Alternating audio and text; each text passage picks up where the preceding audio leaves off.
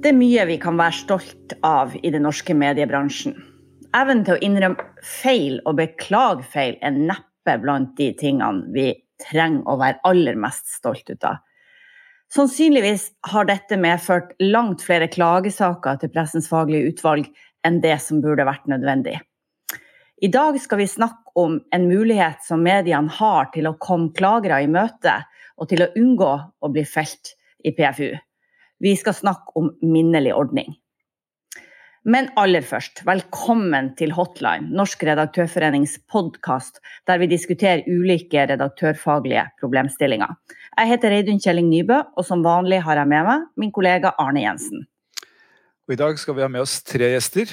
Generalsekretær Elin Floberghagen i Norsk Presseforbund blir med oss etter hvert, men først så ønsker vi velkommen til Alexandra Beverfjord, som er ansvarlig redaktør i Dagbladet og Bernt Olufsen, tidligere sjefredaktør i VG, nå kommentator og eh, i denne sammenhengen vi snakker om nå, det vi gjerne kaller kongen av minnelig ordning.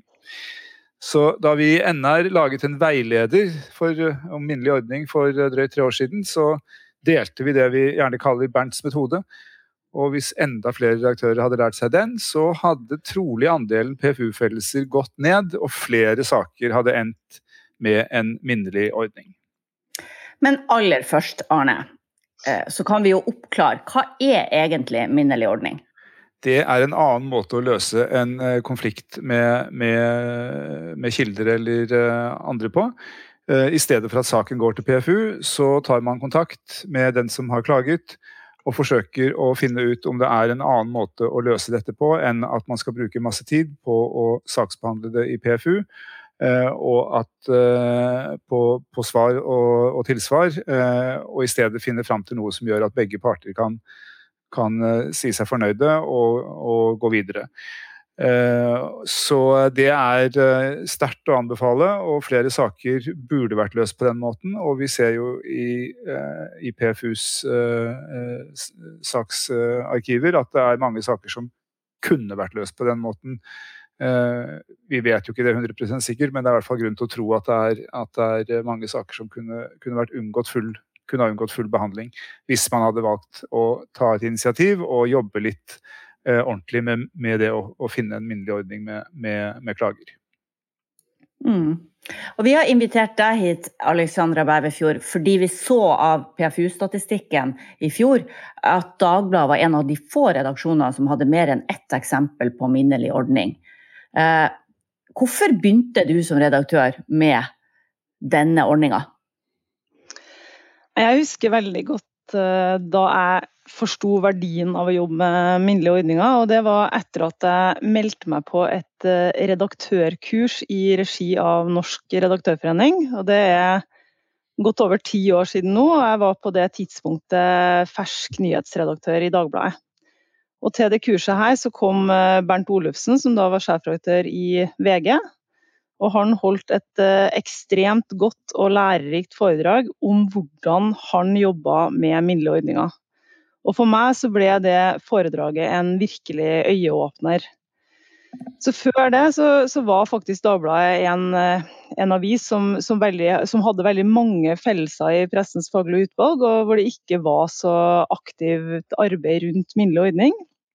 Og En del av årsakene her tror jeg var at vi ikke var gode nok til å lytte og lære. Eh, for det er jo akkurat det minnelig ordning handler om. Det handler om at vi som medier må gå i dialog med klagerne, ikke bare for å få løst den konkrete saken, men også for å lytte og lære.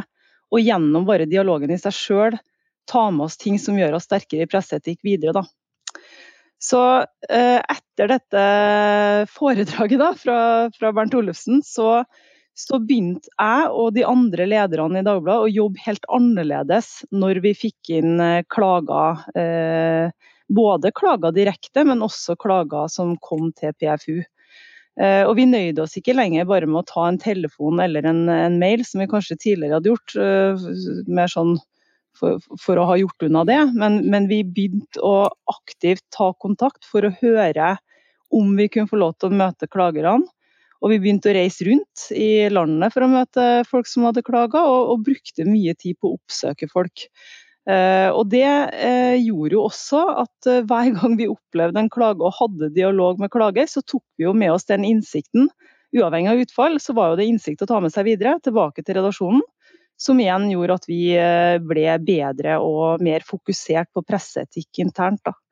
Og I årene etter så ble jo Dagbladet en av de redaksjonene i Norge som, som har hatt færrest fellelser i, i, PFU. og det det handler ikke bare om at, eh, at, eh, en del saker også løses gjennom dialog, men det handler også om at nettopp gjennom dette arbeidet så får man et økt fokus på etikk i alle ledd. Men Betyr det at dere nå prøver ut minnelig ordning i, i eh, alle klagesaker, eller er det klagesaker hvor, hvor, du tenker at her er på en måte klagen av en sånn karakter at det er ikke, noen, vei, noen vei til minnelig ordning finnes ikke? Uh, altså det vil, jo, det vil jo, også være bare sånn overordnet, så vil jeg jo si at det, det, er jo mål, det er jo ikke et mål for Dagbladet å ikke bli klaga inn for PFU, og aldri bli klaga inn for PFU. fordi at Journalistikk eh, som utfordrer vil jo også ofte være journalistikk som utløser klager. og Av og til så er det jo også sånn at vi, vi kan ønske at en, en, sak skal behandles i PFU, fordi at vi ønsker å få en avklaring. Presseetikken er jo også i bevegelse, og det vet vi også at avgjørelsene i PFU kan være. og det kan jo være tema som, eh, som, vi har sett bevegelse i. Eh, tema som omhandler barn har det jo vært, eh, vært en bevegelse i, blant annet, osv. Så, så content marketing er også annen, et annet tema hvor vi har sett en bevegelse, hvor, hvor mediehus kanskje kan ha et behov for at nettopp at PFU tok en behandling for å få en avklaring. Men normalt så er jo målet selvfølgelig å ikke, ikke, bli felt, og et verktøy da er jo også minnelig ordning. Når det gjelder eh, saker som er sendt til behandling til PFU, så er jo det saker som sekretariatet allerede har gjort en vurdering av. Eh, hvis ikke så går det jo til en forenkla behandling. Så Det er jo gjort en vurdering av det av sekretariatet, hvor man har konkludert med at saken eh, bør behandles i utvalget. Og Da er utgangspunktet vårt at vi som hovedregel alltid forsøker å gå i en dialog med eh, klagere. Eh, så vil det jo selvfølgelig være tilfeller hvor avstanden er for stor til at det er mulig å komme til noen form for eh, minnelig ordning eh, rundt det, men, men vi opplever likevel at det er lærerikt å ha dialog. Og det er vel det, det som er utgangspunktet for vårt, vårt arbeid. Mm. Er, det, er, det, du som håndterer, som sjefredaktør, som håndterer disse sakene, eller er det andre i redaksjonen? Det, det, kan være begge deler. Jeg begynte jo som sagt å jobbe ganske mye med dette etter dette øh, foredraget da, for, for, godt over ti år siden. Og har jo hatt øh, jobba også utenfor, Dagbladet, hvor jeg har jobba på samme måte. Eh, men både, både jeg og redaktører for området gjør denne type arbeid. Og vi opplever det som veldig lærerikt, og også heller ikke uvanlig at øh, vi kan ta med linjeleder for området i den type dialog. Mm. Er det noen konkrete eksempler du kan gi oss på, på saker som dere har jobbet med, som, er, eh, som, eh, har, endt, som har endt med minnelig ordning, hvor, eller er det vanskelig? Ja, det, jeg kan jo bare si at det er jo uh, Igjen, vi går jo i dialog både, både på saker som er klaga inn til PFU, men også saker som, hvor folk henvender seg til oss direkte. og Vi prøver å løse det med, med dialog. og det er jo det er mange ting som er viktig i den prosessen. Jeg kan si litt om det, mer kanskje enn å ta helt uh, konkrete eksempler på det. Men det er jo at vi, vi, vi starter gjerne med å, å, prøve å få til et møte. Det er jo en av de tingene som har vært vanskelig nå under koronasituasjonen. At det har vært vanskeligere å få til fysiske møter. Men vi, vi tenker at det er en veldig klar fordel å møtes uh, fysisk og, og få satt seg ordentlig ned. Eh, så må man jo gjerne bruke lang tid på det. Eh, og så er det jo en ting som er viktig, er jo å la eh, å lytte. Og det å la den som har klaga få lov til å prate ut. Og det har jo hendt, og jeg har jo også gjort den feilen sjøl, at vi har vært mer opptatt av å løse saken, komme til en løsning, enn å faktisk lytte. Og Det er jo et veldig dårlig utgangspunkt, og man kan jo fort ende opp med å gi klager en dårlig opplevelse av prosessen. Eh, så, så, det er jo noen ting som vi også jobber mye med. At vi tenker, når vi har den type dialog, at vi jobber og tenker at dette, dette er, er, vel så mye læring og innsikt, og ikke bare å finne en løsning. Og så er det jo det å, å prøve å finne ut hva, hvor er det vi kan møtes. Det er jo selvfølgelig sånn at vi kan jo ikke gå på akkord med det vi mener er prinsipielt presseetisk riktig. Det kan vi ikke. Eh, så her er det jo et, et kan jo innimellom være et utfordrende landskap, selvfølgelig. Men da da jobber vi jo med å se er det, hva, hva er det som kan eh, være et område hvor vi kan møtes på. Da. Det kan jo I noen tilfeller så er det jo sånn at folk, folk eh, er, er fornøyd med, med, å ha en samtale om det, at de får møtt oss og satt oss ned. Uh, andre ganger så kan det jo være behov for en eller annen form for skriftlig redegjørelse. Det kan være snakk om en presisering. Uh, det kan være snakk om å selvfølgelig åpne spaltene for leserinnlegg. Eh, og så kan det jo være eh, selvfølgelig sånn at, eh, vi, at, man må ut og beklage. Og vår holdning da er jo at vi går ut og beklager uavhengig av om altså Uavhengig av minnelig ordning, så er det sånn at hvis vi har gjort en presseetisk feil, så ønsker jo vi, og, og vi mener det, så skal jo vi beklage uansett eh, for det. Nettopp.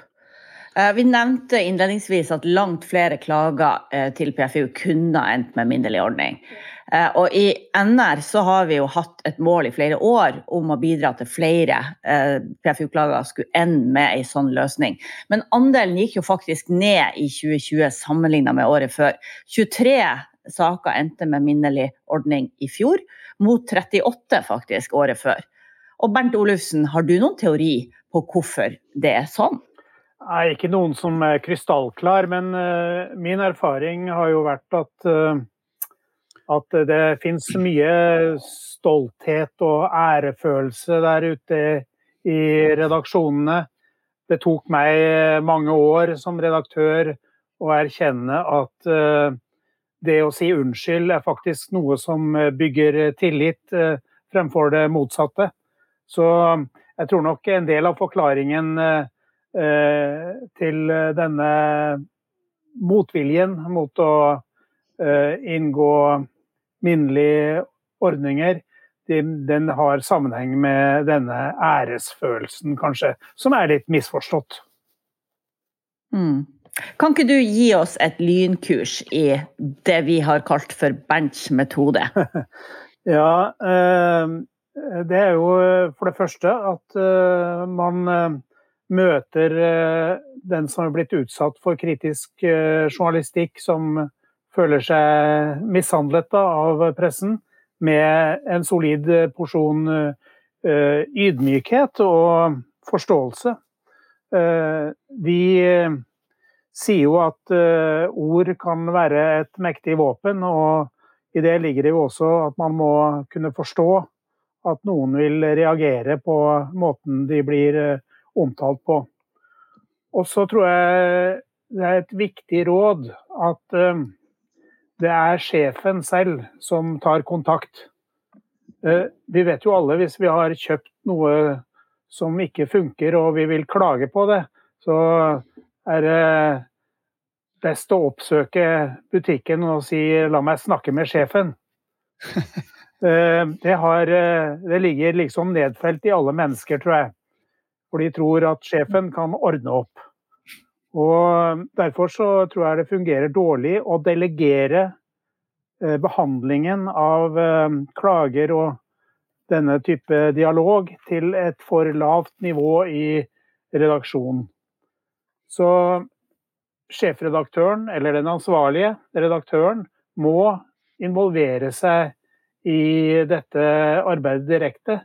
Selv om en del av eh, det forberedende arbeidet kanskje med fordel kan delegeres både til de som har hatt med saken å gjøre, eller andre som har med klager å gjøre i mediehuset. Og så eh, er det jo eh, viktig å forstå at en minnelig løsning er en bedre løsning ofte enn en fellende eh, uttalelse fra pressens faglige utvalg. Fordi eh, i sluttbehandlingen av klager så forsvinner jo ofte nyansene i saker. Og partene går i sine respektive skyttergraver. Sånn at det å vinne forståelse for sitt syn hos en klager, det blir dermed vanskeligere å oppnå. Så dette tror jeg er viktig å forstå. Og så tror jeg man må forklare eh, hvorfor Eller forklare vedtektene til Norsk Presseforbund og PFU. Altså at det faktisk er en direkte oppfordring fra selvdømmeordningen om å finne løsninger eh, som innebærer eh, minnelighet. Eh, så det gjør man lettest ved å henvende seg til en klager direkte og forklare denne bakgrunnen. Eh, samtidig så må man jo da kaste litt eh, journalistisk stolthet på båten. Og eh, virkelig, som Alexandra sier, lytte til hva det er som er viktig for klageren. Og så, på bakgrunn av dette, komme med konkrete forslag til løsninger dette er jo ofte løsninger som innebærer unnskyldninger og beklagelser, eller presiseringer, eller å gi eh, plass til meninger meninger og poenger fra den som er utsatt for kritikk. Eh, penger er aldri en løsning i slike minnelige ordninger. Oppreisning er et instrument som det er rett retten eh, som tar stilling til. Det er ikke et element som det går an å bruke i sånne sammenhenger som dette. Og det er jo også noen ganger eh, nødvendig å presisere overfor dem som, eh, som klager. Ja. Så er det måten å si unnskyld på da, som er viktig. Jeg hører jo av og til om medier som beklager hvordan andre kan ha oppfattet, eller hvordan de føler seg behandlet. Det er en uh, veldig dårlig måte å si unnskyld på. Jeg bruker ofte når jeg snakker om dette, et sitat fra uh, forstanderen i det jødiske trossamfunn, uh, Ervin Krohn, som repliserte til eh, NRK i forbindelse med en eh, sak eh, som verserte der, at du kan ikke beklage andres følelser. Du må beklage egne handlinger. Og det er en rettesnor som er viktig for måten du sier unnskyld på. Ja, og så eh, syns jeg jo at eh, du har et poeng eh, når du råder Eller i hvert fall jeg vet at det var en del av din metode at du brukte samme måte å henvende deg på. Ja, eh, jeg gjorde det. Nå ligger jo min erfaring med dette noen år tilbake i tid. Så det var faktisk eh, på den tiden hvor det fortsatt fantes eh, postgang her i landet per brev. Så hvis jeg fikk et håndskrevet brev fra en klager, så svarte jeg alltid vedkommende for hånd uh, gjennom posten. Og valgte vedkommende å henvende seg i et skjermbrev, så valgte jeg den metoden. Ringte vedkommende, så tok jeg kontakt per telefon. Det er viktig, syns jeg, å la den som uh, vil ha sitt synspunkt fremmet overfor mediehuset, og bestemme hva slags kommunikasjonsform man eh, fortsetter å ha. Var det, var det mange som ble overraska eh, da de fikk eh, eh VG sin sjefredaktør på tråden? Ja, det var faktisk eh, mange som eh, ikke forventet det. Og det, jo, og det tror jeg skaper et litt bedre grunnlag for den dialogen. For da kom, vet man at man kommer jo ikke høyere opp i systemet enn den som sitter med ansvaret. Eh, Arne, er det ofte du gir redaktører råd om å forsøke minnelig ordning? Ja, det, det, er jo det. Og, og, jeg bruker jo litt av, av, samme begrunnelsen som Bernt har brukt, eh, som du var inne på i forhold til at det må jo være bedre å til, bruke litt tid på å finne en, en uh, prøve å få til en minnelig ordning enn å bli felt i PFU. Og så vil jeg si at noen ganger så mener jeg det kan være eh, bra å, eh, å, få til en minnelig ordning selv om du skulle gå fri i PFU. Eh, også fordi at eh, og I hvert fall hvis du er i en lokalavis, eh, der, som jeg har mest erfaring fra. Fordi det som skjer er jo at Hvis du møter en klager eh, med den ydmykheten som Bernt skisserer, og, med den forståelsen, og finner en løsning og lytter så blir jo det blir jo ordet som går i ditt nedslagsfelt og blant dine lesere og abonnenter, at det gikk jammen an å kontakte redaktøren i Østlandsposten, og han tok seg tid. Han møtte meg, og vi drakk kaffe, og han lyttet. og, og han gjorde absolutt eh, sitt ytterste for at dette skulle løses på en ordentlig måte. Og Det må jo være mye bedre enn å, enn å i gåseøyne triumfere med at man har blitt frikjent i PFU, hvis det går rundt og er en, hvis du har en klager som går rundt og sprer eh, og sprer eh, dårlige følelser overfor den avisen du redigerer. Så det er mange grunner til det, eh, å, å, forsøke, eh, å, forsøke, dette. Og, og, jeg tror jo det er det er nesten sånn, det, det Bernt er jo nesten sånn klassisk imperiebygging. Eh, det å, å, å, virkelig sånn møte noen helt på hjemmebane eh, fra toppen, som ikke forventer det. Men selv jeg, i min, i et par av de når jeg har vært redaktør og, og, og tatt kontakt med klagere, eller folk som har ikke nødvendigvis klaget til PFU, men vært misfornøyde, så viser det seg at ofte skal det veldig lite til. Eh, bare det at redaktøren ringer og tar seg tid og bruker en halvtime, eller vil avtale et møte og invitere på en kaffe eller en lunsj eller et eller annet, bare det alene gjør at folk blir mildere stemt og, og mer imøtekommende overfor andre løsninger enn en klagebehandling. Det er et annet poeng her eh, ved dette som jeg vil nevne. Eh, og det er at eh, det fins et ordtak som sier at tid leger sår. Og det er et viktig poeng at gjennom å søke minnelig ordning med klagere, så vinner man tid. Og man tar ned tempoet i eh, en eh, litt eh, konfliktfylt atmosfære og meningsutveksling. Det bereder grunnen for bedre løsninger. Og dessuten fører det i tillegg til at man vinner noe tid i forhold til klagebehandlingen i PFU, og får bedre samlet inn bakgrunnsinformasjon og dokumentasjon for eh, måten som avisa eller eh, mediet har eh, opptrådt på. Kan jeg, kan jeg, spørre Bernt om en ting? fordi er, Vi spurte Alexandra om det.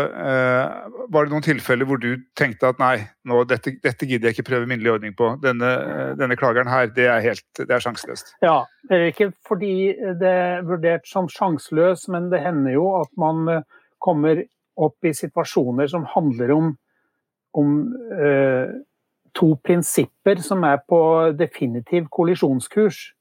Og hvor det, som Alexandra sa, er viktig å få en prinsipiell avklaring. Eh, så, og dette var vel kanskje eh, mer også i saker som man kunne fornemme ville havne i rettsvesenet etter hvert og hvor det var advokater involvert eh, til dyrkjøpte honorarer, eh, så eh, er det jo vanskeligere å finne rom for enkle løsninger når det er mye penger involvert i tillegg. Mm. Alexandra, han, Bernt han var innom litt tidligere dette med norske redaktører sin evne og vilje til å innrømme feil sånn generelt. Hva du tenker om, rundt det, som står i, i ei sånn stilling? Nei, jeg tenker jo at Bernt har rett i det. At vi eh, generelt har mye å tjene på å være litt eh, åpner og, og oftere også ikke bare det som blir klaga inn til PFU, men også det å klare å beklage når vi har gjort andre feil. og det syns jeg jo at jeg ser en, en eh, økt tendens til. At stadig flere mediehus nå også på går, går, ut og beklager når det er noen ting som er feilpublisert. Det har vært, uh, vært, mange medier som har begynt med det, men vi har mye å gå på ennå når det gjelder det. Det er klart det sitter, det er jo gjerne sånn når vi jobber i pressen at det jo, kan det være mye debatt rundt det man gjør, og mye debatt rundt journalistikken. Og det er jo mye som også skal forsvares. Og da, da, kan det ofte sitte litt langt inne uh, beklage. Jeg tror dette kanskje er blitt litt lettere nå. fordi da jeg kom inn i dette yrket, så var det i en tid hvor det publisistiske ansvaret nesten utelukkende var knyttet til ansvarlig redaktør. Og så har det skjedd en utvikling både mediemessig, men også ansvarsmessig. Slik at uh, i dag blir jo uh, journalister i større grad også trukket til ansvar for uh, publisert innhold. Det skjer rettslig, men også som en konsekvens av at eh, vi tar i bruk nye mediekanaler, som f.eks. sosiale medier, hvor eh, det fremsettes krav direkte til journalister om å beklage sin, eh, sin, sin arbeidsform og sine, det som er publisert. Så det, skjer, det er skjedd en endring her, en slags skal vi kalle det ansvarsfordeling. Det gjør at kanskje redaktørene ikke lenger eh, må ta et så beskyttende hensyn til eh, sine medarbeidere i eh, måten man møter eh, klagere på. Men, men, det, men, det, er vel fortsatt et snev av et dilemma, nå spør jeg litt til begge, på uh, dette at man på den ene siden så skal man da være ydmyk uh, som ansvarlig redaktør overfor folk som klager på noe. Og På den annen side så forventer jo vel fortsatt journalistene det at du skal liksom stå opp for, for det redaksjonelle produktet og for dem og for, og for mediet du redigerer. Og liksom være, være skjold og verge. Absolutt. Og det er jo her det ofte blir vanskelig med minnelig ordning. For det er jo litt det som jeg var inne på i stad, med at det finnes jo ikke sant, Hvis det er i strid med de presseetiske prinsippene, så kan vi jo ikke beklage eller uh, uh, gå bort fra det. Så det vil jo ofte være situasjoner hvor det, er, uh, hvor det er utfordrende å komme til en minnelig ordning. Men igjen, gjennom dialog så kan man likevel klare å få til en forståelse. Og også som Bernt er inne på, tid kan også bidra til å klare å komme til enighet etter hvert. Så jeg bare knytter én kommentar til det med ansvarlig redaktør. Jeg tenker jo at det er viktig at man holder fast ved det. At det er eh, ansvarlig redaktør som er eh, adressat for, for kritikk, og den som skal Eh, selvfølgelig få, få forsvart og, og, tatt avgjørelser knytta til om man skal beklage noen ting som media har gjort. Da. Og det, den utviklinga kan, kan, jo ha selvfølgelig noen, noen fordeler på én måte, men det, det, kan også være en del utfordringer knytta til det at man får en pulverisering av ansvar rundt publisistiske avgjørelser, som jeg tror er uheldig. da. Ja, eh, på norred.no så finnes den veilederen som vi har nevnt, som ble laga allerede i 2018 eh, på dette eh, feltet. Eh, eh, vi skal se om, den, om, det er behov for å gjøre eh, noe, noe Å fornye den noe og se, se, nærmere på det. Og så oppfordrer vi jo medlemmene til å, å benytte seg av Bernts metode og, eh, og følge de rådene som vi nå har fått. Tusen takk til deg, Alexandra Bæverfjord, og til Bernt Olufsen for at dere stilte opp i Hotline.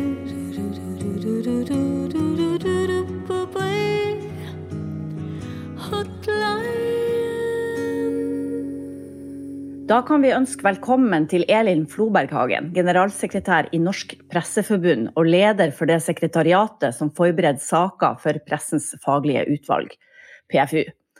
Eh, og vi snakker fortsatt om minnelig ordning. Og du Elin, ønsker at flere saker skulle løses på denne måten, det vet jeg. Hvorfor det? Ja, fordi presseetikkens mål eh, er jo å bidra til bedre journalistikk. Målet er ikke å få flest mulig klager til, eh, til PFU-behandling.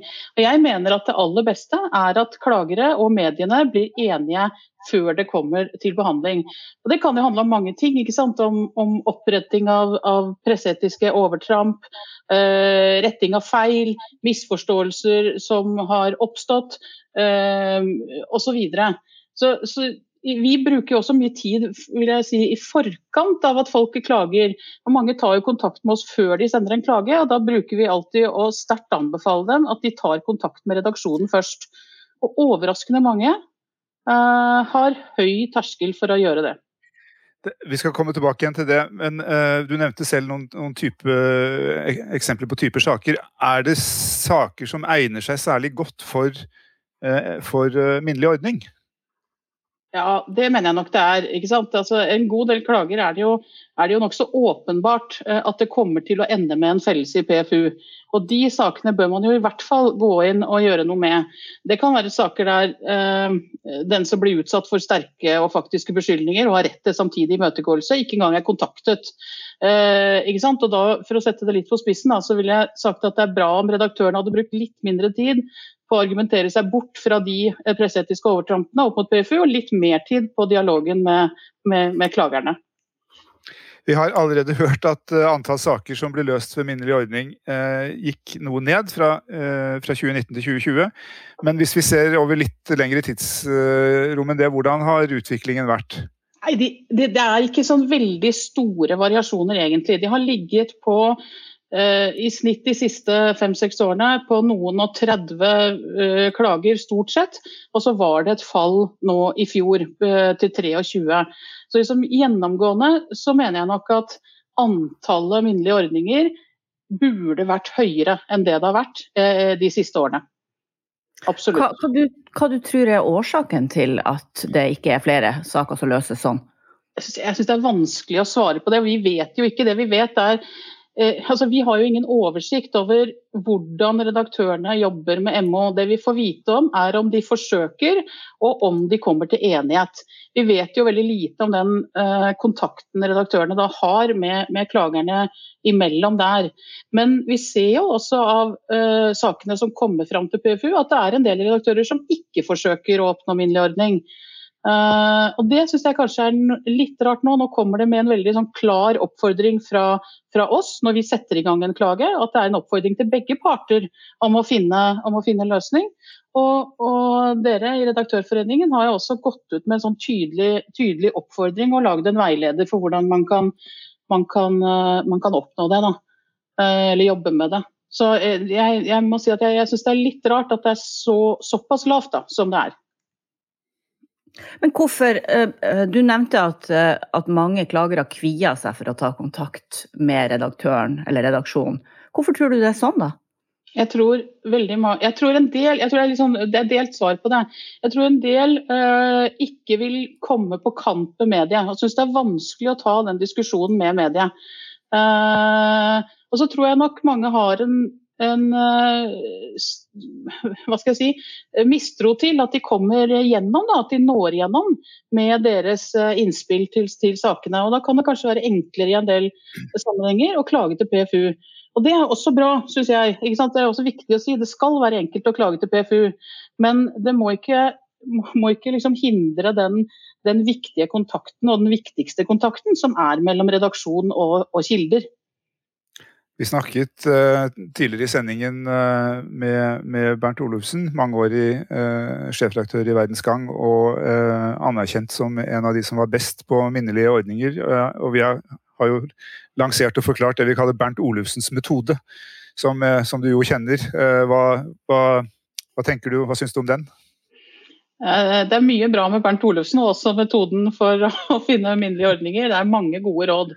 Og jeg, jeg, tror veldig på dette med å både ta kontakt og vise en viss ydmykhet overfor klagerne. Det tror jeg er noe av det aller viktigste. At, at man viser en, en, eh, en reell interesse da, av å høre hva de mener og hvordan de har opplevd journalistikken. Eh, det tror jeg sånn generelt egentlig er, er, veldig viktig. er At redaktører og journalister har mye å hente på å forstå hvordan, hvor hardt kritisk journalistikk slår mot enkeltpersoner. Og det er egentlig uavhengig om kritikken er berettiget eller ikke. Det gir mye, mye innspill, og jeg tror, jeg tror man også må tenke at minnelig ordning ikke betyr at det innebærer at man må legge seg flat.